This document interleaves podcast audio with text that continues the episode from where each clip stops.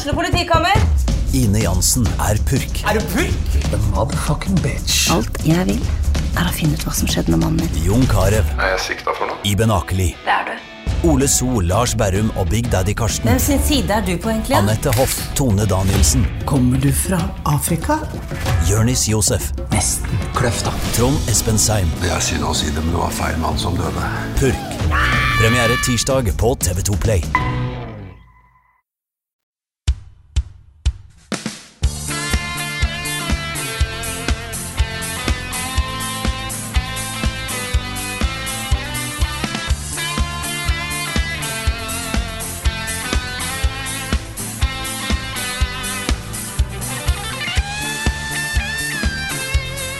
Håper jeg dere har spist dere drittmett på alt av julekake og snop og julemat, for nå er det på tide med et nytt år, nye muligheter og nye spill, faktisk.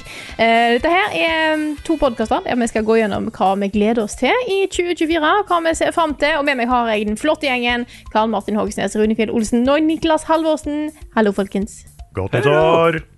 Godt, Godt nyttår. nyttår. Ja, det er jo det nå. Godt nyttår. Ja. Ja. Ja, nei, for vi spiller absolutt ikke denne her inn før jul. I det hele tatt. nei, nei. Nei, nei. nei vi, vi kan, ikke, kan ikke bryte illusjonen på den måten. Det er ikke sånn at jeg glemte det nå, liksom. Hver gang du setter på podkasten live på telefonen din, så sitter vi klare å snakke. vet du. Ja, ikke sant, da sitter vi der. Vi sitter Ja. der. Vi er i stua di, eller i bilen din. Den er faktisk live for alle som trykker på play. Så hver gang noen starter podcasten, så er det vårt cue til å begynne å snakke.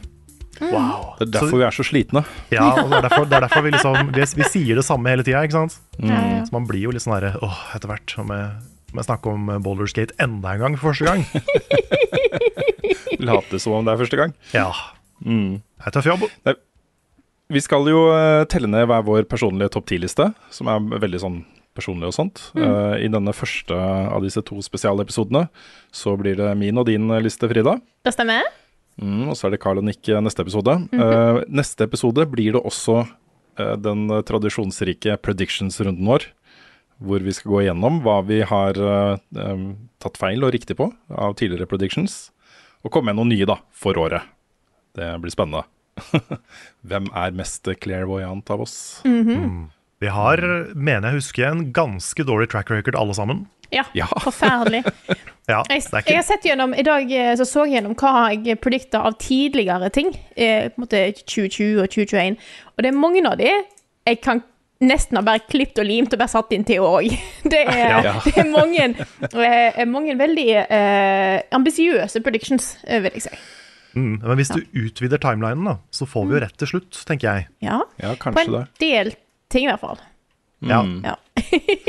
Nei, jeg, jeg setter meg ned hver gang jeg skal lage predictions for eh, neste år. Så eh, setter jeg meg ned med den tanken at nå skal jeg prøve å være så konkret og plausibel som mulig. Altså ting som jeg faktisk tror kommer til å skje. Og så ender alt opp med å bli ting jeg har lyst til skal skje, da, isteden. Ikke sant. Så, ja. We are dreamers. Ja, ja, ja. ja, Dream the night away, er det ikke det også Osborne synger? Mm. Vi, eh, før vi begynner med listene, så har jeg mm, sittet og jobba litt med sånn utgivelseslister og sånne ting for neste år, eh, en god del allerede. Så jeg tenkte å, eh, før vi liksom kommer med våre veldig personlige, subjektive betraktninger, så er det noen tendenser og trender som jeg syns det er morsomt å nevne. Jeg, jeg tror det er mye spennende som kommer til å skje neste år, og en del nye greier som kommer til å etablere seg. Så det er egentlig bare å stålsette seg for, for hva skal man si nye typer spill som er basert på eh, gamle, gamle eh, favoritter. Altså ting som har blitt stort de siste årene. Um, og kan egentlig begynne med bare en gjennomgang av en del spill som kanskje kommer i 2024, men mest sannsynlig ikke. Uh, dette er jo uh, valgfritt for hver en av oss om vi velger å ha med de, den type spill på listene våre eller ikke. Uh, men eh, i hvert fall så eh, kommer jo da kanskje dette sci-fi-spillet Exodus i 2024. Det har jo ingen dato. Mest sannsynlig ikke, da. Eh, Det var den med Matthew McConaughey, vet du. Ja, ja. riktig. Ja. han kom på, på scenen på Game Awards, ja. Mm. Eh, Metroid Prime 4 har vi ikke hørt noen livstegn, eh, fra på mange, mange år. Um, uh, men det kan jo komme i 24 2024. Det samme med Death Stranding 2. Uh, Fable 4, som da egentlig bare heter Fable. Eh, og så er det det nye spillet til Ken Levine, Judas, som jo ble avduka for eh, Det er vel Var vel i sommer, var det ikke det? Summer, Summer Game Fest eller noe sånt? Jeg Ja, husker hvis- ikke helt. Hvis ikke det var 2022, jeg er ikke helt sikker. Jeg husker heller ikke, men det er også sånne ting som kan dukke opp. da. Eh, det samme gjelder Everwild fra Rare, som vi har eh, sett trailere fra, men ikke fått noe konkret om ennå. Og så har jeg også, også satt opp Mar Marathon der, fra Bungie, men der sier jo ryktene ganske tydelig at det ikke kommer før i 2025. Så, det, så lenge de ikke har en dato, så er det en sånn kanskje da, for 2024. Og så er det ikke måte på hvor mange survival-spill som kommer nå. eh, Og sjokket etter eh, Day Before-lanseringa har på en måte bare så vidt lagt seg. Eh, Og så begynner man å se fram mot 2024, og det er det ene etter det andre. Også. Og mange av disse spillene her ser fantastisk bra ut. Det må jeg bare få sagt, altså. Um, det er et spill som heter Under the Rock. Nei, Under Our Rock. Under Our Rock. Som er et um, hva skal man si, et bindeledd da, mellom Minecraft og DayZ, kanskje. Eh, litt sånn cartoony, veldig vakker eh, visuell stil, eh, men med alle kjennetegnene til survival-spill. Du kan spille det solo eller sammen med ti andre. Det er elleve spiller coop i det, det spillet her, og bygger baser og raider grotter og alt mulig rart. Det er mange dodoer i spillet. Eh, det survival-spillet som jeg tror flest gleder seg til, er et spill som heter Unshrouded. Unshrouded som har gjort litt sånn seiersgang på Early Access og sånt nå i høst. Um, uh, Once Human er i lukka beta akkurat nå. Jeg ser masse buzz om det på nett. Dette er jo et spill med sånne svære monstre og tjo og hei, eh, kombinert da med Daisy Ja, ja, Survival-type ja. gameplay. Eh, Nightingale, selvfølgelig. Som lager sånne portaler inn i, i forskjellige verdener, hvor du må hente forskjellige greier for å eh, bygge forskjellige ting. Også det er et eh, bygge survival-spill, det også. Det er det spillet som jeg blanda med Witchfire, innser jeg. Ja, nettopp. Jeg trodde det var det som var Witchfire, så jeg ble så forvirra når det kom. Mm. Men, eh, men ok, da venter jeg fortsatt på det spillet. Ja. Ja, for det så kult ut. Ja, det ser kjempekult ut, og det gjør også et spill som heter Pacific Drive. Eh, det er jo mer sånn derre singleplayer, uh, singleplayer eh, historie eh. Du kjører rundt i en bil, og det er masse monstre og, og overnaturlige greier og sånt. Og så skal du da raide og crafte ting. Det er ikke det der hvor du, du kjører fra verdens undergang, på en måte? At, ja, på en måte. Du er ute i villmarka. Ja, liksom verden forsvinner bak deg. Ja, sånne ting. Ja, kult. Og så da selvfølgelig det Funcom utvikla June Awakening, som jo har potensial, altså. I en, en eh, nå veldig, veldig hot sjanger. Dette er en sjanger som folk er dritgira på om dagen. Apropos Norge, så eh, har vi flere lovende norske spill på gang. Jeg tror det blir et av de beste norske spillårene noensinne, dette her. Eh, med da Dune Awakening og Dustborn fra Red Thread Games. Uh, Snusmumrikken-spillet til til um, uh, Hyper. Hyper Games. Eh, The Holy Gosh Darn, det tredje spillet i uh, tirsdagstrilogien til eh, Perfectly Paranormal. Uh, og Fruitbus fra Krillbite er de jeg har satt opp der. Da. Det kommer jo flere, men det er de kanskje mest lovende av de. Og så er det også en veldig klar trend at nå skal vi drive med kung fu, folkens. Uh, ikke bare har du Black Myth Wukong, hvor vi også får Altså, dette er jo et kinesisk utvikla spill.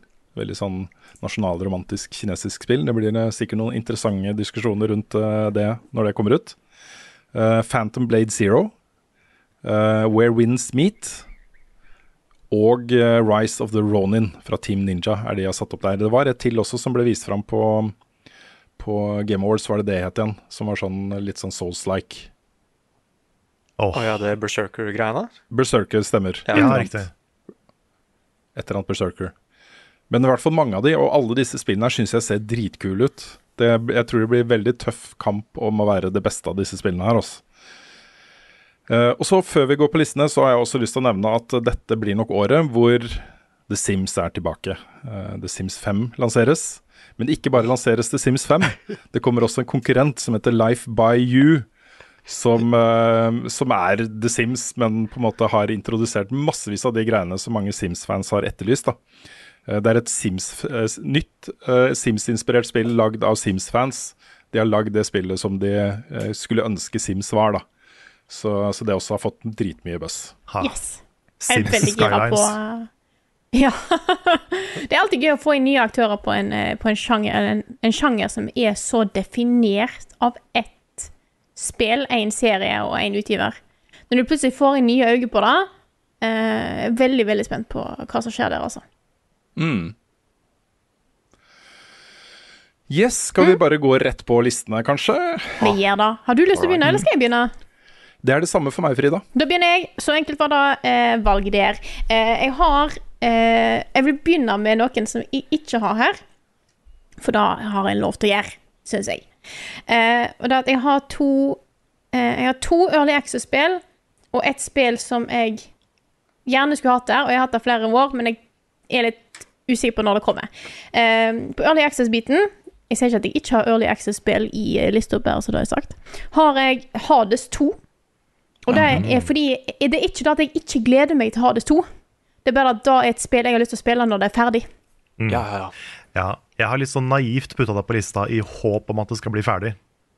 Men jeg Ja. tror ikke det blir ferdig i Nei. 2024. Så det er grunnen til at jeg ikke har det med. Et annet jeg har på Early Access, er Hyperlight Breaker. Det hadde jeg òg på lista i fjor. Eh, og da er jo det folka som står bak Hyperlight Drifter, eh, blant annet. Det hadde vært litt morsomt hvis det ikke var det. Hvis det var et annet spill fra noen andre. Ja, ja da hadde det vært litt, eh, litt festlig. Um, men eh, da er òg et sånt spill der jeg Jeg er ikke sikker på om jeg har lyst til å spille det med en gang. Mm. Eh, det kan være at jeg har lyst til å vente litt. Og det tredje på ting som faktisk ikke helt nådde opp på lista i år, og det er fordi at nå vet jeg ikke om dette spillet kommer til å komme ut, eller når det kommer, og da er Little Devil Inside. ja. Ja, Den har jeg hatt på lista i flere år. Ja. Um, det er mulig at jeg nå er den lei, nå vil jeg ikke ha den her mer. Så Ja. nå jeg, jeg tror jeg droppa den. Ja, det er derfor jeg, jeg syns det er litt uh, Det har vært der i så mange år, og jeg er kjempegira på det. Og det vi har sett fra det, syns jeg fortsatt ser veldig fint ut. Men Mm. da spillet skulle vel komme i 2016, og egentlig komme til Wii U, blant annet. Ja. Det er så lenge siden nå. Det er såpass lenge siden, ja. Ja, og det er sånn Noen spill går det bra med. Tunic er et kjempegodt eksempel på det. Men jeg er litt usikker her eh, Ja. på når det kommer, og nå begynner jeg å tvile litt på at det kommer i år. Eh, er- for jeg trodde det kom i fjor, og da gjorde det Eller, ja. Hva år er vi i nå? Eh, eh, time. Yes. Jeg tror ikke det kom i 2024, selv om jeg trodde det skulle komme i 2023 og 2022.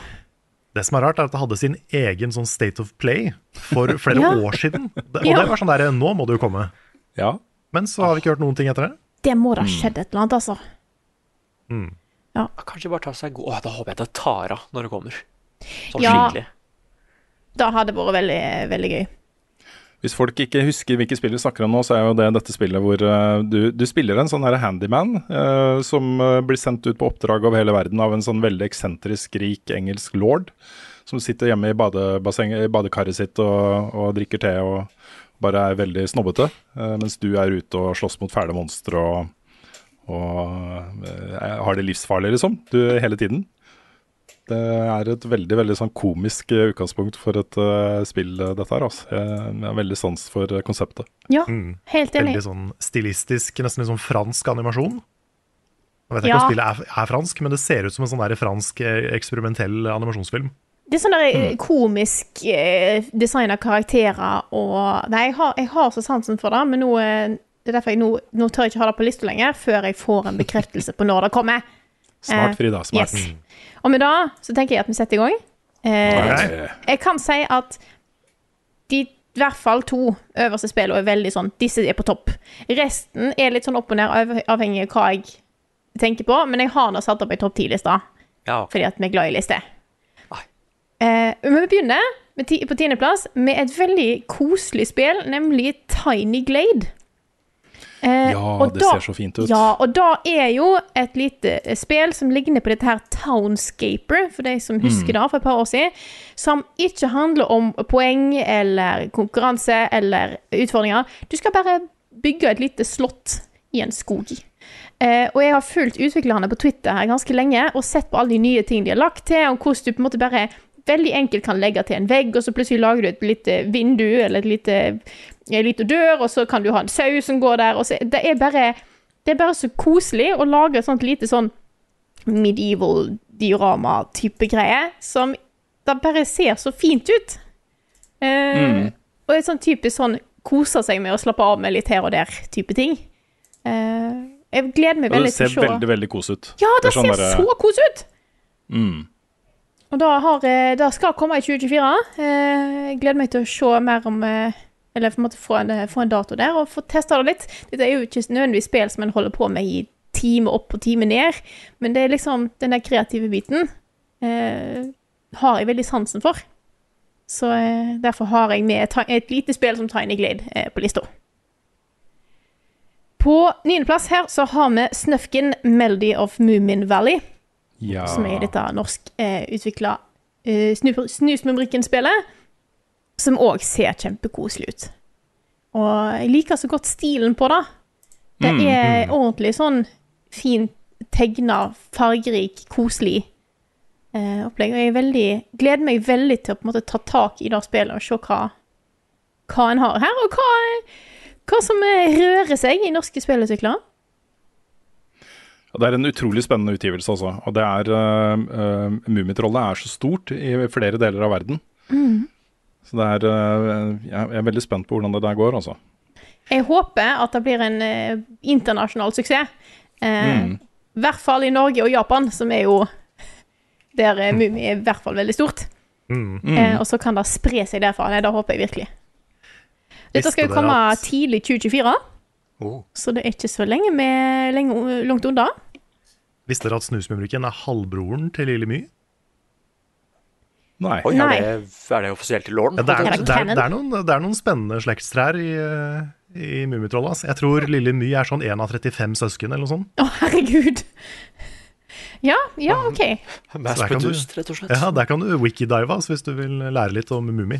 Mm. Interessant. Mm. Da kommer vi oss til eh, åttendeplassen. Der har jeg Life by You, vet du.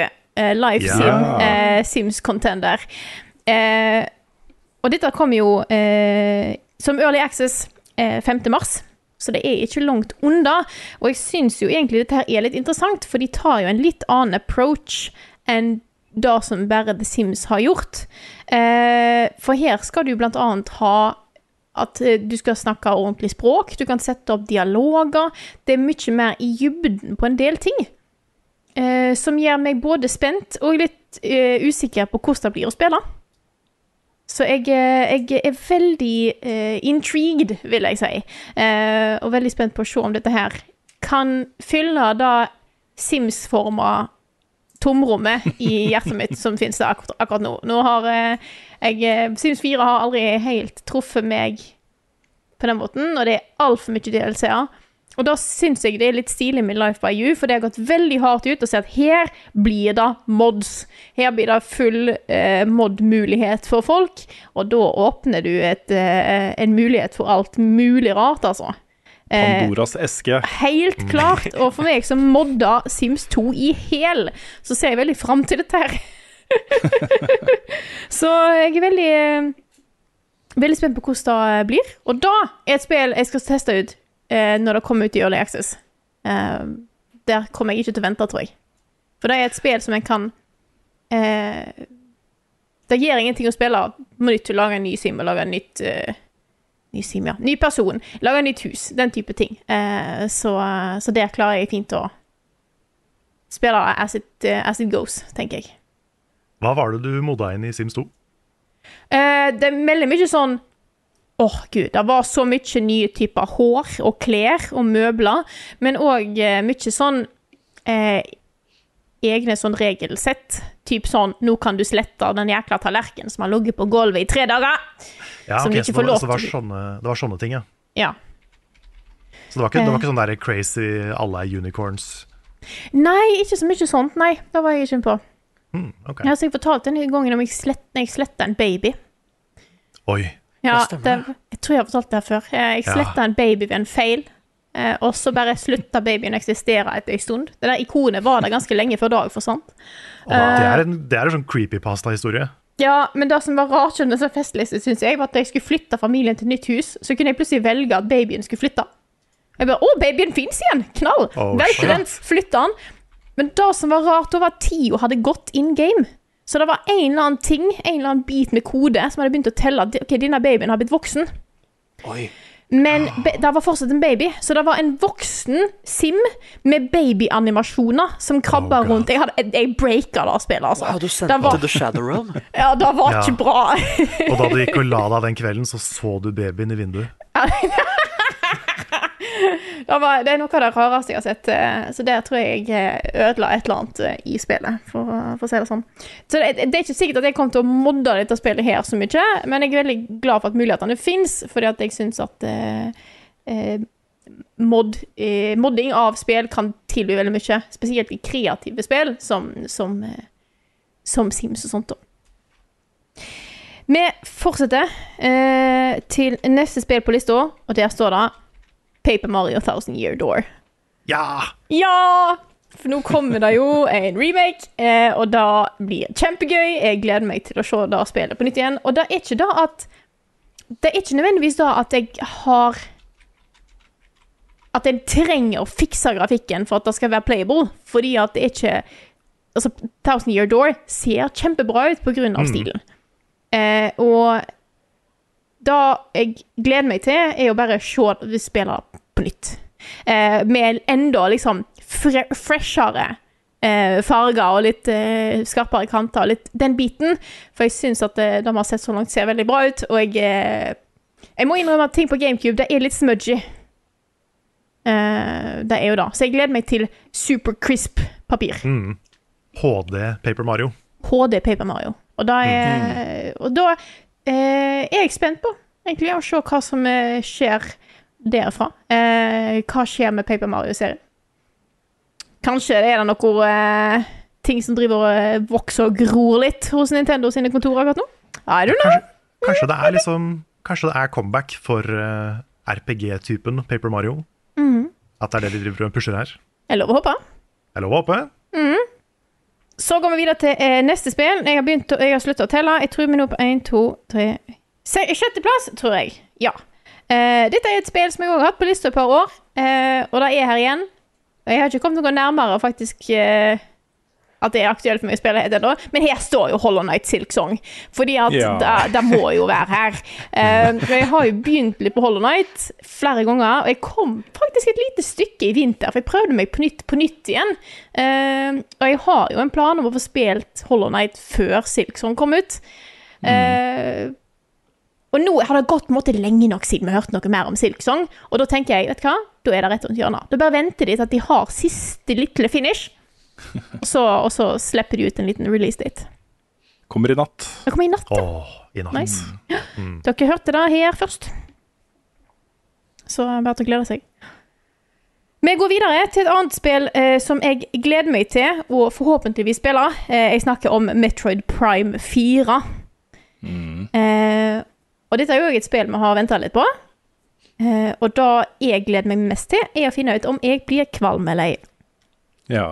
Fordi Ja. jeg har jo eh, slitt litt med Metroid Prime, både på GameCube, og remaken begynte jeg litt på, men jeg merka litt det samme der. Jeg er litt spent på hvordan de har eh, Det, det spørs egentlig veldig på kameravinkel og engine, hvordan mm. den er.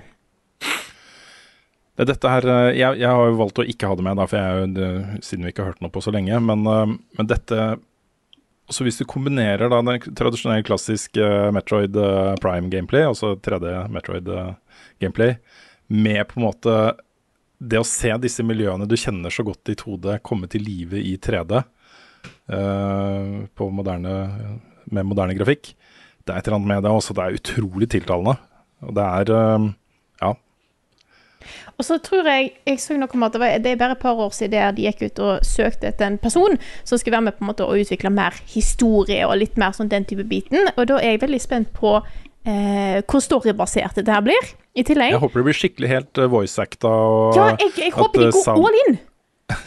Ja, Ja, jeg tuller litt. Det, gjør det? Metroid Other M tenker jeg på. Å, sånn, ja. ja, ok. Som, eh, hvor uh, Samus var jo sånn damsel in distress, og disse her macho-mennene som uh, eh, ja, ikke var helt, uh, Ah, sånn, ja. helt ja. ja.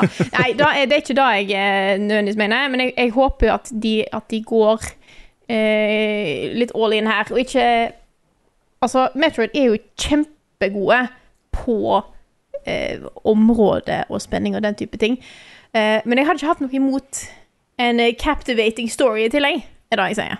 Jeg, Ja, det som, eh, måten historien ble fortalt på i de tre andre Metroid Prime-spillene, er jo at du skanna miljøer Mm. hele tiden, og så fikk du eh, litt sånn law om alt mulig rart. Alt fra bygninger til planter og dyreliv og fiender og alt mulig rart. Eh, og så var det bare noen sånn korte teksting som leda deg inn i nye områder og eh, drev plottet videre, da. Mm. Det er eh, litt sånn, litt sånn Dark Souls-måten å fortelle historier på, kanskje. Mm. Selv om det er mer voice acting og dialog og sånt der. Så er det jo fortsatt bare bruddstykker du får, liksom. Det er ikke så mye. Ja, for jeg treng, altså, nå, Det hadde vært gøy med liksom cutscenes og voice acting, men jeg, det er ikke nødvendigvis det jeg, jeg trenger. Jeg syns jo måten de bare viste fram Samus sin personlighet i uh, Metroid Gud, hva heter det der forrige som kom ut? Det er i 2D. Det som heter Dread. Dredge, Dread, takk. Uh, jeg syns måten de bygde opp cutscenes og der, var knallgod. Mm. Så det er på en måte den type uh, historiefortelling der. Hva, jeg tar, jeg tar alt. Så lenge jeg får spilt det, det er det som er litt spennende. Men det er jo når en har serier, så store serier som Metroid, som kan gjøre et comeback på den måten, eh, og med Metroid Prime som kom nå i 2023, jeg tror 2024 er året for Metroid Prime 4. Vi går videre til fjerdeplassen. Det har vi en annen Nintendo-serie, eller det kan jeg kalle det serie, serie Princess Peach Showtime. Ja.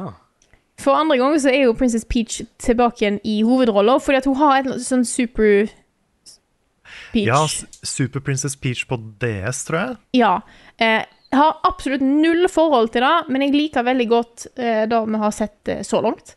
Mm. og jeg tror det kan bli et veldig kreativt og spennende spill. Jeg tror Nintendo er i en veldig spennende periode nå, der de tester ut litt ting. Og med, med, eh, Super Mario Wonder, der de virkelig tok eh, gikk all in på kreativitet, så jeg er veldig spent på å se hva eh, denne litt fresh Nintendo-approachen da kan gjøre med, en, eh, eh, med et spill som dette her. Det ser kjempegøy ut, og ser kjempekreativt ut, så jeg gleder meg til å få teste det. Det er litt, kult at, hun, det er litt kult at Peach får lov å være litt, litt badass. Ja! For, hun- for hun har litt sånn, var det ikke sånn samuraiklær og litt sånne ting hun kan få på seg? Altså, magiker var det ikke da, det var noe greier. Eh, så det virker som at de har, eh, de har litt de, de har lyst til å la henne få teste seg med. Det har jeg sansen for. Absolutt. Ikke bare springe rundt i, i kjole og se eh, og, og, og bli redda, liksom. Eller bruke emotion powers, som gjorde det første Princess Beach-spillet. Ja. Mm. Det var en litt annen tid. En litt annen tid. På tredjeplass på lista mi, der står det Elden Ring Shadow of the Earth Tree. Altfor lavt. Ja, jeg Alt vet at dere her, er- det, her får jeg noe eh, krass kritikk, da forstår jeg. Nei, jeg, eh, jeg ser veldig fram til dette her. Og det er mest fordi eh, jeg gleder meg til å eh, spille det, og så finne ut av hva historien var etterpå. Eh, fordi at de tingene som en ser ut til å kanskje gå litt inn i her, eh, med Mikkala og sånt, syns jeg er veldig interessant. Det er en del av eh, Elden Ring-lauren som jeg syns er veldig spennende, og som jeg gjerne vil vite mer om. Eh, og dette er òg en del som jeg ser fram til og gleder meg til, og måtte, Fordi jeg vet at dette er et spill som kommer til å påvirke veldig mye av min arbeidshverdag i Level Up i tillegg. Skjønner ikke hva du snakker om der. Nei. Eh, Men akkurat den biten av det er jeg også veldig veldig spent på. Også fordi Hvis du ser på de eh, tidligere delscenene deres, så har jo de vært mye mer uh, lineære, historiebaserte enn uh, en grunnspillet. Altså Både Old Hunters og Ringed City uh, og de andre. Det, det kunne du på en måte følge en, en path da, gjennom spillet og få en historie um, som eh, ikke var så diffus. Det, jeg tipper nok det går litt den veien her også. At uh, du får et litt mer begrensa område som skal fortelle en konkret ting, liksom. Det um, kan bli kjempespennende, altså. Men jeg begynner også å lure litt i og med at det har tatt så lang tid. For nå er det jo eh, snart to år siden Elden Ring kom ut. At liksom Da må det være en del de jobber med. Så det kan Ja, hende at du får et nytt sånn åpen verden-område, da, faktisk. Ja, Men tingen er jo at de jobber jo også med Elden Ring 2 og Bloodborne 2, Carl. Så Ja, de, ikke sant? um, på det. tar det tid, ikke sant. Ja, ja, ja. Ja, men, det, men det, det pleier jo liksom Fordi DLC-en pleier å komme samme år. Mm. Så det er det, er det som får meg til å tenke at dette er noe mer, da. Mm. ja, vi får Ja. se. Vi får se. Men det er fortsatt mye, mye vi vet om den DLC-en. På andreplass så står det Harold Halibut. Uh. Ja. Og da er jo dette her stop motion-spillet satt på Hva er det, et spaceship under vann på en alien-planet? Er det Ja, det? det er jo helt ko-ko! Mm. Det er dritstilig! Det er så mange ting med, med det spillet her som, eh, som, som det, det krysser på alle boksene mine. Det har en kul stil, det har en kul setting, og eh, det ser kjempebra ut. Eh, og da, helt siden vi så den første traileren, så er jeg bare sånn Dette her er noe jeg bare må spille. Og nå kommer det. De har sagt det kommer tidlig 2024, og da ble jo vist på en trailer ganske nylig, så det er jo sannsynlig. Ja, det var Ja. jo på den derre PC gaming show, uh, Upcoming Hot Games for PC-show uh, et eller annet i november. Ja, mm. var det en ny trailer. Hot, hot games in your area. Ja. Nei, så det er Det er, det er interessant, for jeg føler jeg har vært så stille fra det spillet. Fra tra første traileren til nå. Det kan være at jeg bare ikke har fått det med meg òg. Men, Nei, men det eh, er er litt i samme gate som uh, Little Devil Inside-type ting. Altså ting som blir vist fram og ser dritbra ut, og så bare forsvinner det litt bort en stund. Så ja. og så lenge det, det trenger ikke bety noe. Det betyr bare at de jobber med det, forhåpentligvis. Og så kommer det, og så er det kjempebra. Dette har vi opplevd med Pikmin 4 og alt. Dette her er Ja, ja. Nei, det er liksom dette her at det er håndlaga. At det er faktisk stop motion på den måten, eh, imponerer meg. Eh, Veldig stilig å se folk teste nye, eller sånne type ting i spill, og være veldig kreative. Så eh, jeg gleder meg. Jeg håper ikke det krasjer med andre utgivelser. For dette kommer jo tidlig i 2024, og da er det jo et annet spill som òg gjør. Og da skal vi til topplist- topplasseringen her. Der står det Final Fantasy 7 Rebirth. 29. februar. Da er jo bare to måneder til. Ja, det er bare to måneder til. Det er bare to måneder til. Tenk på det, altså. Fy, fy fader. Ja, det er helt ko-ko. Og det er altså. Jeg jeg koste meg jo så mye med første delen av remaken, og så spilte jeg jo originalen, så nå vet jeg jo litt hva vi skal til. Og det er så mange ting der som jeg ser fram til å se på nytt. Eh, kanskje ikke på samme måte, for da vet en jo, en vet jo aldri hva de gjør. Jeg tror det er Jeg tror Ja. de planlegger så mye shenanigans i, i spill nummer to. Mhm. Jeg tror det kommer til å bli kontroversielt. Jeg tror det kommer til å være heftige diskusjoner på internett om valg de tar i det spillet her. Jeg får litt sånn uh, Evangelion rebuild-vibber av dette her. Ja, jeg tror Ja. det er akkurat det det er. Ja. Så uh, vi får se om eh, hva, hva dette spillet faktisk eh, ender opp med å vise oss. Hva det ender opp med å bli, hva retninger det går i. Men jeg er dritgira på å spille med Final Fantasy 7, og det, det, blir, eh, det blir bare knallbra. Det må det bli, tenker jeg. Jeg innser nå at jeg mest sannsynlig egentlig bør spille første, også del én. Ja, Hvis du skal spille del to, så ville jeg gjort det. Ja. Ja, for, fordi um, Altså, det er jo alltid sånn at jeg kan si nei da, til å anmelde det for NRK, men uh, på den annen side, så nå som vi går 100% indie igjen og sånn, så kan det kanskje være lurt å si ja. så, um, så vi får se. Men det er bare hvis jeg, bare hvis jeg blir engasjert i det, da. Og hvis, uh, hvis jeg spiller gjennom det første spillet og tenker dette er ikke noe for meg, så er det ikke noe vits å gjøre noe på oppfølgeren. Men Nei, hvis jeg ender opp med å bli interessert i det og engasjert i det, og komme meg gjennom hele, liksom, Mm. så kanskje.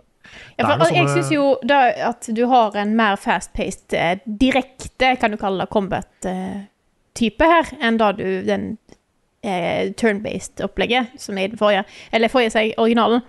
Da appellerer mye mer til meg. Eh, turbaserte ting er litt tungt. Det, det gikk greiere med den her modifiserte versjonen som jeg spilte på Switch eh, på, av originalen, men eh, den her kjappe combaten den har jeg, den har jeg veldig sansen for. Og det tror jeg nok eh, Forhåpentligvis da, gir deg en lettere inngang eh, til spillet, Rune. Så er det, det er noen sånne shortcuts du kan sette opp, som gjør at du kan spille den litt mer som et actionspill. Fordi vanligvis så må du ofte inn i menyer, selv om det ikke er turn-based lenger. da. Men du har liksom fire eh, slots som du kan eh, definere med tror det er L1 eller noe sånt. Og da kan Ok. du liksom bare, da slipper du å gå via menyer. da. Ja. Så blir det litt mer action. All right. Kanskje jeg skal streame starten, Karl, så kan du eh, være med og guide meg inn i, inn i det. Det kan jeg gjøre, vet du. Yeah. Nei, jeg, jeg bare ser fram til å bare spille mer uh, Final Fantasy. Se mer Cloud. Se om han fortsatt ser så trist ut som han gjorde det forrige spillet. Ja, han Ja. gjør jo det. Han gjør det. Han kommer sikkert til å se enda tristere ut. vet du. Å nei. nei. Men da er mine topp eh, ti spill for eh, 2024. Jeg er veldig spent på eh, hva annet som dukker opp. Det er jo alltid gøy med de spillene en ikke vet om. Disse små indie-tingene som dukker opp litt ut av ingenting, og de er det vanskelig å putte på ei liste. Men vi får se hva, er, hva året eh, bringer. Så da var min liste. Da gir jeg ordet videre til Rune. Tusen takk for det, Frida. Tusen takk for det. Jeg hadde egentlig tenkt å ikke ha honorable mentions, men uh, jeg hadde tre litt sånn uh, vonde hull uh, når jeg ser på topp 10-lista mi nå, så jeg tar tre av dem. Så tre honorable mentions med spill som jeg bare gleder meg til å, til å ha det gøy med um, i 2024. Og det er Baby Steps. Baby Steps. Det kommer sommeren 2024, og um, det er jo litt sånn Manual Samuel kombinert med Getting Over It type ting. da. Ja, litt coop. Litt coop. Altså, det ser altså så morsomt ut. Det ser altså så gøy ut. Og jeg vet ikke om det er gøy å spille, sannsynligvis er det mer frustrerende enn gøy. da. Ja. Men det var liksom de trailerne og ting de har vist fram, folk som bare dukker opp bak steinen og har rare ting å si. og, og sånt. Altså, Det bare ser ut som en komedie, liksom. En spillbar komedie. Mm. Jeg, jeg ser for meg at det kommer til å være helt forferdelig å spille og veldig gøy å se på. Ja, det tror jeg kanskje du har rett i. Um, og så gleder jeg meg også fryktelig til et spill som heter Angerfoot. Angerfoot, hvor du skal uh, sparke fiender og dører og ting i miljøet og sånt i takt med musikk. Ja. Jeg har spilt Demon, uh, og det var kjempegøy. Og så det var et eller annet veldig sånn derre Nesten en sånn fysisk opplevelse å sitte og spille det spillet, fordi du kjenner liksom den kraften innen foten som sparker ned alt mulig rart, i takt med musikken, og du blir sittende der og liksom rocke med, da. Så, så, det tror jeg kommer til å bli bra. Og så er jeg fryktelig fryktelig spent på uh, det norske spillet, The Holy Gosh Darn. Jeg syns uh, Åsan Drøsdal er bare så morsom. Altså, hans humor matcher så godt min egen. Altså, jeg, jeg blir truffet av vitsene hans da, på en måte som ikke alle blir, ikke sant. Altså, um, um, når man kommer til så konkret spissa humor, så er det enten sånn at så går det over hodet ditt, eller det er ikke helt din greie, eller et eller annet. Men uh, den humoren uh, han bruker da, i å lage disse spillene, de Jeg, jeg syns det er kjempemorsomt. Der òg spilte jeg litt på, på den um, innsamlingsaksjons-streamen vår, gamingaksjonen, uh, og det ser kjempebra ut. Her uh, skal du opp til himmelen og masse greier. Så, så tre honorable mentions fra meg der, og alle tre er humor, komedier, som jeg gleder meg til å spille. Men da begynner vi på tiendeplass, og det er egentlig Diablo 4 sin skyld at det står der. Oh. Der har du nemlig da Path of Exile 2. Mm. Som eh, var et spill Path of Exile 1 har eh, vært helt uaktuelt for meg, helt til jeg spilte Diablo 4. Uh, eh, og når jeg da ble litt uh, gira på den loot uh, som er i, i disse RPG-ene, så tenkte jeg jeg kan, ikke begynne med Path of Exile nå, som jeg vet at Path of Exile 2 kommer ut. Uh, men så har jeg satt meg ned og sett på uh, disse presentasjonene de har hatt, og fått med meg de videoene de har lagt ut og sånne ting. Og det er for det første virker som et mye, mye større spill enn Diablo 4. Altså mer variert og flere, mer variasjon på bosser og den type ting. Um, det virker som et mer nerdete spill enn Diablo 4. Mer hardcore, liksom. De skill-trærne i Path of Exile og Path of Exile 2 er sånne monstre de er så svære, og det er så mye build variety og den type ting eh, med det, da, men også veldig forvirrende. Mm. Um, men så har de også introdusert nå en del sånne action um, uh, spillbarhetsgreier. F.eks. dodge roll har de introdusert. Uh, og en egen klasse som ligner litt sånn shooter, hvor du bruker skytevåpen og den type ting. da. Så det, jeg, jeg, tror, jeg, tror, dette kommer til å bli kjempebra. Det kommer en lukka beta den 7. juni, og jeg vet jo ikke om det betyr lansering i 2024. Men uh, det er i hvert fall innenfor mulighetene. Da. Det kommer ikke noen dato, tror jeg, på det før de ser hvordan det går med den lukka betaen. Det er mulig det er mer av RPG på min liste også, litt lenger opp. Um, på niendeplass har jeg Harold Halibut. Mm -hmm.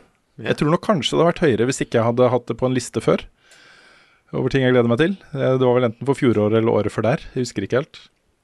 Eh, men eh, i likhet med deg, Frida, dette er et spill som ser kjempe, kjempebra ut. Og det er folk må ikke forvente sånn action adventure-type spillbarhet. Det blir jo beskrevet som en litt sånn walking simulator-type spill, altså en interaktiv fortelling, da. som handler mer om å ta valg og snakke med folk og gjøre- løse puzzles, enn å gjøre masse actiongreier. Eh, men det er den settingen, da. Altså Du er liksom menneskehetens uh, siste håp ute på jakt etter et nytt sted å bo på et kjempesvært sånne Ark-skip som har stranda da, på en fremmed planet. Og det er Potensialet vet du, for en god science fiction-historie er jo så stort. Kombinert med litt sånn eh, søt humor. På åttendeplass har jeg Pacific Drive. Det snakka vi om i starten også. Det er jo dette spillet hvor du kjører rundt i en gammel uh, rusten eh, bil på jakt etter eh, oppgraderingsmaterialer for å unnslippe verdens undergang. Eh, og verdens undergang er jo alt, alt du kan forestille deg. Det er liksom vulkanutbrudd, og det er eh, eh, sånne skapninger fra andre dimensjoner, og det er aliens, og det er monstre, og det er ikke måte på. Det er alt. Så det ser kjempekult ut. Og så er det ser veldig skummelt ut, da. Du er i ferd med å gå tom for bensin, ikke sant. Du må ut av bilen for å, for å scavenge mer bensin. Mens disse monstrene er der, og du er helt aleine. Så ja, det ser kjempebra ut. Det er så kul atmosfære. Ja, det, ser, det også ser så stilig ut, det spillet også. På syvendeplass har jeg det andre ARPG-spillet. Det er da nemlig No Rest for the Wicked, fra utviklerne av Ori-spillene. Som vi fikk eh, presentert for aller første gang på The Game Awards. Det kommer da i Early Access i første kvartal, sier de. Um, og for det første så ser det jo veldig eh, også latterlig pent ut. Altså Will of the Wisps-type pent, men i mer sånn top down 3D uh, à la Diablo-type um, uh, interaktivitet da, og, og, og spillbarhet. Uh, men det er et eller annet med den der kombinasjonen av den grafikken og den brutale spillbarheten. Jeg tror nok at hvis du skal uh, plassere ARPG-er på en skala fra tilgjengelig til ikke tilgjengelig, så ligger nok No Rest for the Wicked på ganske tilgjengelig enden av skalaen, mens Path of Exile 2 på den mindre tilgjengelige enden av skalaen, og så Diablo 4 sted midt mellom. da. Eh, Det virker som, i hvert fall fra det vi så, da, så virker det som om de prøver å gå for en eh, litt mer sånn action adventure-type gameplay med en eh, action-rollespill-innpakning, på en måte. Så hvis du klarer å kombinere det med samme graden av loot-hunting og builds og sånne ting, så kan det bli amazing. Da glemte jeg å putte på Early Access, som jeg har lyst til å spille når det er ferdig, lista mi. Jeg går til sjetteplassen, som var et spill som jeg glemte eh, helt til vi begynte å snakke om dette her. Eh, og så husket jeg ikke hva det het, så måtte jeg søke det opp. Så hvis det var litt klikking på tastatur tidligere i episoden, så var det nok meg som skulle prøve å huske hva det spillet het. Og det er et spill jeg har fulgt nå i mange år på Twitter. Eh, I fjor ble det snappa opp av Anna Purna, eh, som jo har gitt ut en del andre bra spill vi er glad i. Eh, og det heter We Kill Monsters. Og dette er hvis du kombinerer litt sånn derre Shadow of the Colossus, Ico-type um, um, Sånn Zen-aktig uh, opplevelse av å være i en vakker verden. Og med liksom ruinene fra uh, gamle sivilisasjonen og sånne ting. Med liksom monster-boss-bosskamper uh, og, og jakt på lut og den type ting. Og så Dette er en veldig kul rollefigur som går rundt med en kjempestor ryggsekk, og ryggsekken din er livet ditt, liksom. Um, der har du på en måte teltet ditt og alt du trenger av gear og, og sånt, og du bare reiser rundt i den verden her. Du har sikkert en quest, liksom, et eller annet du skal gjøre som ikke vet hva er. Men de, alle de klippene jeg har sett av det spillet, er bare den duden, da, eh, eller dama, jeg vet ikke, som går rundt ikke sant, i utrolig vakre Unreal Engine 5-miljøer. uh, og så plutselig er det en kjempestilig bosskamp. Uh, så kombinasjonen av uh, den der rolige utforskinga og intense bosskamper som gjorde meg skikkelig nysgjerrig på det spillet her, altså. Det ser eh, kjempebra ut. På femteplass har jeg uh, Replaced. Replaced. Pixel art cyberpunk-spill. Uh, Uh, litt sånn uh, noir, eh, d- sånn noir detektiv- detektivhistorie. Ja, det er en av de kuleste sånn pixel-stilene jeg har sett noen gang.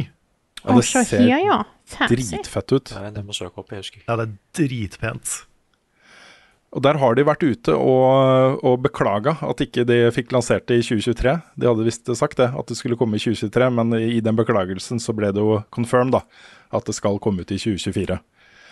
Um, dette er uh, sånn utrolig stilsikkert spill som um, som um, skiller seg veldig ut, og som det åpenbart det er utrolig dyktige folk som lager. Altså. Men uh, vi vet jo ikke om det blir like kult å spille dem, men bare det måten det ser ut på, er, ser uh, latterlig bra ut. Vi er på topp fire. På fjerdeplass har jeg da Hollow Night uh, Silk Song. Det må jo nå komme i 2024. Det må Ja, da. ja, nå må det komme. Ja, Da har vi venta lenge. og ja, vi venta lenge, og det er, alt annet ville vært utrolig rart også. Det må komme i 2024. Husker du den der Xbox-konferansen hvor vi så det sist? Hvor, ja. hvor det var sånn Dette kommer i løpet av 2022. Og så, Ja. så, ble vi spurt etterpå er dere sikre på det.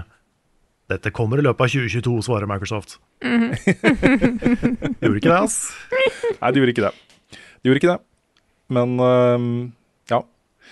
Det er øh, potensielt en sånn Game of the Year-type utgivelse der, altså. Oh yes. Det vil jeg jo si egentlig i hvert fall hele topp fem eh, hos meg er, da. Eh, for da på tredjeplass har jeg det unge, håpefulle Rune Fjellolsen plassert eh, Light No Fire. Ah, Den nye til Hello Games. Altså Grunnen til at de har det der, er at øhm, øhm, de har, det, det er to ting. Det ene er at de sier de har vært i utvikling i fem år. Eh, og det andre er at eh, de har sagt at det neste spillet deres, og dette spillet, da, uh, ikke vil ha like lang sånn hype-periode som det No Man's Sky hadde. Uh, de vil korte ned den perioden, og de vil ikke, vil ikke snakke om det før det begynner å nærme seg utgivelse. Og så vil det jo alltid dukke opp ting, liksom. De skal jo lage hele jordkloden her, liksom, en hel planet, da. så jeg, det Ja. Ja. Jeg, jeg håper og tror at de har lært. Ja. Da må de ha Ja, men jeg, jeg tror jo det, da, fordi um, ehm, Ja, det var en trøblete lansering. Eh, Det var eh, ting de hadde sagt skulle komme i No Man's Sky som ikke var der. Uh, men gud bedre så kontroll de har hatt på det spillet etterpå. Med jevnlige oppdateringer og utgivelser, og det kom den ene tingen etter den andre. Og jeg tror bare rett og slett de har blitt mye flinkere til å lage spill. Eh, Og til å styre tiden sin og til å organisere. Og så kan det jo hende da at ehm, toppledelsen i det selskapet kanskje bør ta en runde eller to til på å ikke love ting som de ikke er helt sikre på at de kan holde. Ja, jeg, jeg, jeg har tenkt litt på det de siste, siste uka, med sånne ting Sean Murray sa før launch, og, Ja. til, og til og med etter launch. At liksom uh, Ja, hvis du spiller No Man's Sky nå, og er på samme sted som en annen, så kommer dere til å finne hverandre. Og så, og så prøvde folk det, og så Nei, de fant ikke hverandre. Ja. Og så svarte Sean Murray bare sånn Å, fett, dere fant hverandre, på en måte. Det var veldig, det var veldig rart. Så jeg, jeg håper jo han har gått noen runder med liksom ting han sier, da. Ja. Uh, Men men, men, det er helt klart jeg- eh, veldig de har, de har snudd No Man's Sky fullstendig. Ikke sant, de har det også. Og um, jeg setter litt pris på jeg også, at du har en uh, Peter Molyneux som er hakket mer uh, lett å, eller, hakket lettere å like. Ja. Og som uh, det, det kommer ikke fra noe vondt sted, liksom. Han bare vil så mye, ikke sant. Ja, jeg, tror, jeg tror han snakker fra et uh, veldig ekte lidenskapelig sted, det tror jeg. Ja, det tror jeg også. og så har liksom No Man's Sky opp gjennom alle disse oppdateringene og gjennom årene som har vært eh, siden lansering, endt opp med å bli et av mine alltime favorittspill. Så dette er jo et studio som jeg har klokketro på nå, da. Uh, og jeg syns jo den traileren de viste fram på The Game Awards, så amazing ut. Det er liksom, Holder de alltid lover der, og blir det sånn som jeg håper og tror det kan bli. Den kombinasjonen av å bare gjøre den verden til din egen, og det der mysteriet. Det er et mysterium her, ikke sant? Akkurat som det er i No Man's Sky. Det er min favorittdel av No Man's Sky, er å nøste opp i det der mysteriet. Hva er det som egentlig foregår her? Og den, Jeg vil jo si at uh, konklusjonen på historien da, i No Man's Sky um, Det er noe av det beste jeg har sett i science fiction på spill, altså. Det er dritbra. Men er det et fantasyspill, eller er det bare deler av den jordkloden som er fantasy? Vet vi det? Godt spørsmål. Det er et godt spørsmål. For det var jo, det var jo fantasy-klipp i den traileren, med liksom drager og sånne bunny people og mye sånne skapninger. Mm. Så det er jeg litt nysgjerrig på. Sånn, hva, hva er settingen, egentlig? Ja, Var det ikke noe et red ikke på sånne spurver eller noen sånne små fugler og sånt også i lufta? Jo, det kan hende. Fordi eh, en måte å gjøre verden til dritsvær på, er bare å krympe personene, ikke sant? Ja. det er sant. Spille som smurfer. Ikke sant? Mm. Men all right, la oss uh, håpe det kommer ut da i 2024, så kan vi se om det blir uh, bra eller ikke. Um, Andreplass Senua Saga Hellblade 2. Ja. Der har de jo sagt 2024. Den siste traileren de slapp på The Game Awards, sto det 2024 på. Ja, ja, ja. Så eh, da får vi bare satse på at det skjer. Jeg, jeg har egentlig generelt Jeg er veldig spent på Microsoft i 2024. Det er en stund siden vi har hørt fra en del av de der svære tingene de jobber med. Uh, og de har jo kjøpt opp alle disse studiene. Nå fikk vi jo eh, Blade fra Arcane. Jeg må bare poengtere også, det er det sikkert andre som har gjort også, men uh, grunnen til at ikke de nevnte um, uh, annet enn Dishonored og, og Deathloop, var jo fordi det er Arcane Lyon, Carl. Det er Arcane Ja. Lyon. Det stemmer, det. Det stemmer det. Ja. Det var bare I år så var det litt morsomt.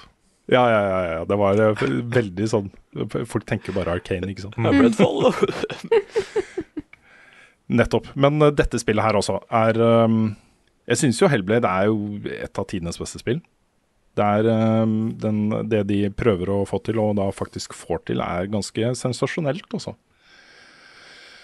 Så er jo dette her et team også som vet hvordan de skal lage pen, realistiske, realistisk, eh, troverdig grafikk.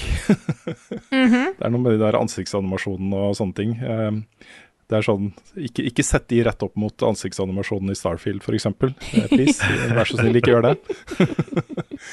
Men eh, ja, jeg er som du sier, Nick, veldig spent på hvor de da drar den. Altså hva er historien her, liksom. Mm.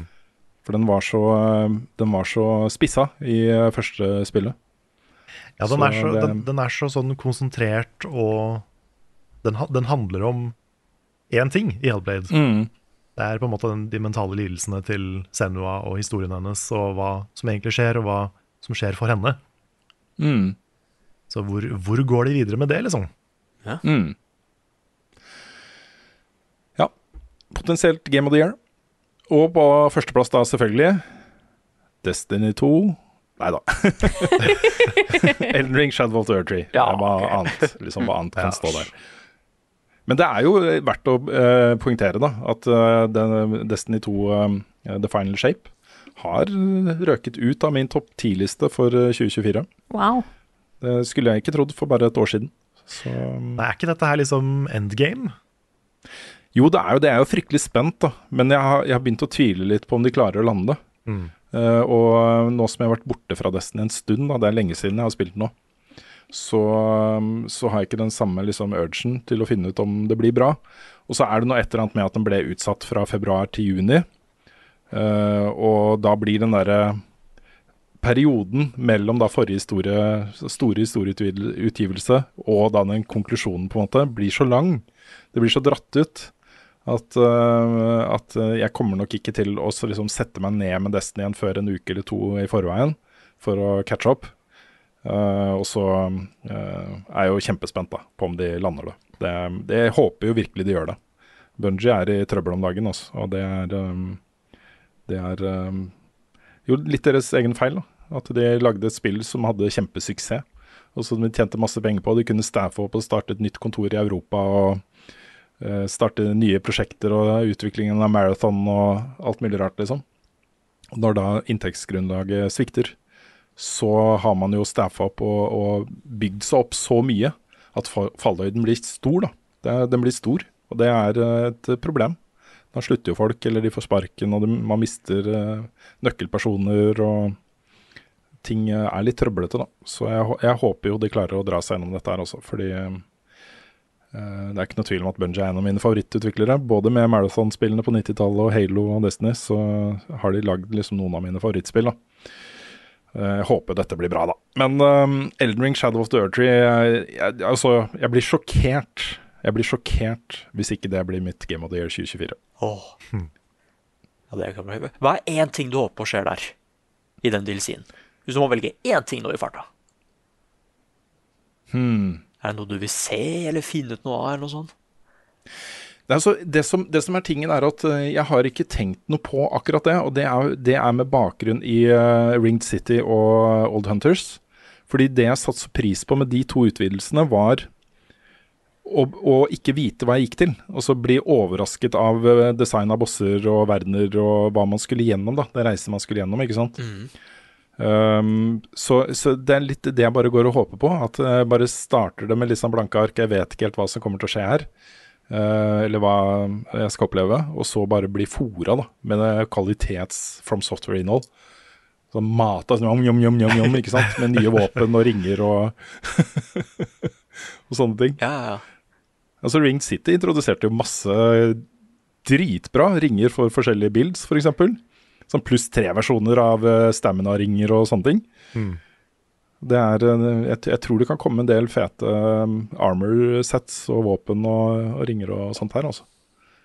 Så um, Nei, dette her er um, en sånn uh, Hva annet kunne stått der, liksom? Hva annet kunne stått der?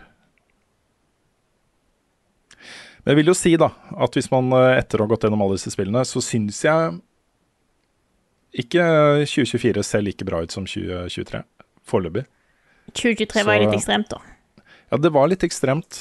Og folk ønsker seg jo da et, eh, en repeat av det, selvfølgelig. De vil jo ha et like bra spillår.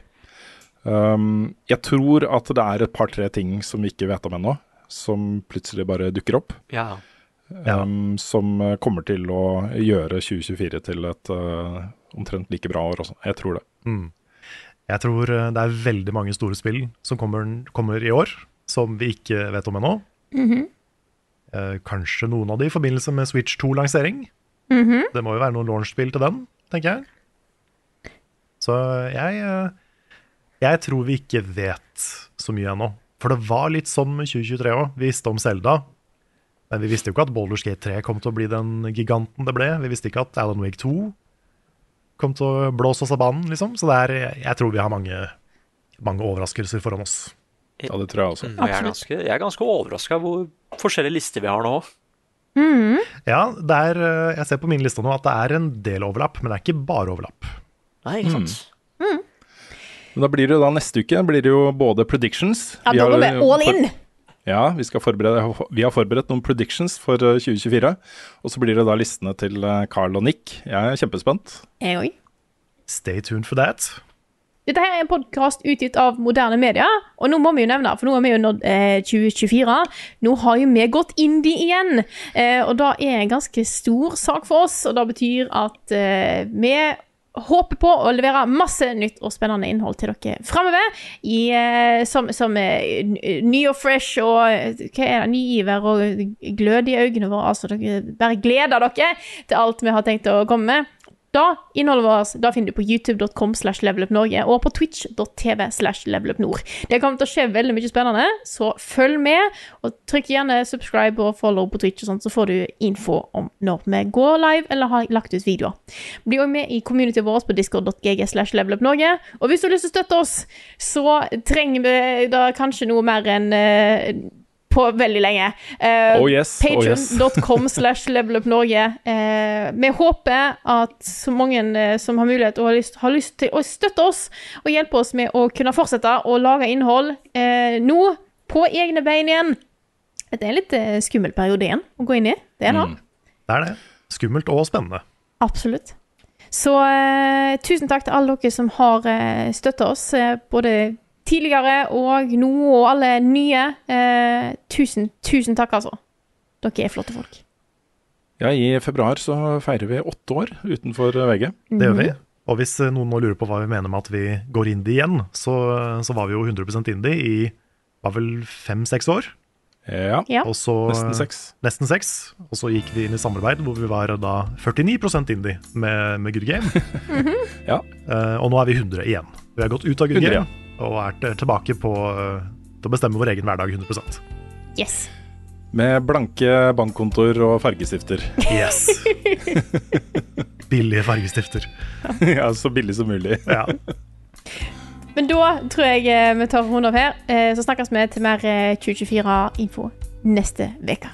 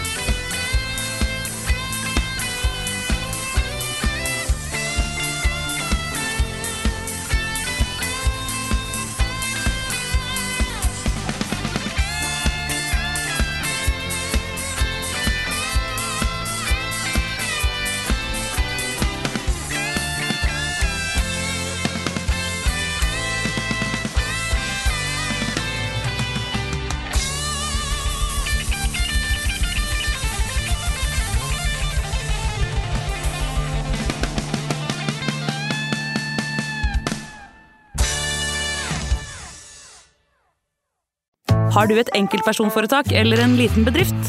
Da er du sikkert lei av å høre meg snakke om hvor enkelt det er med kvitteringer og bilag i fiken, så vi eh, gir oss her, vi. Fordi vi liker enkelt. Fiken superenkelt regnskap.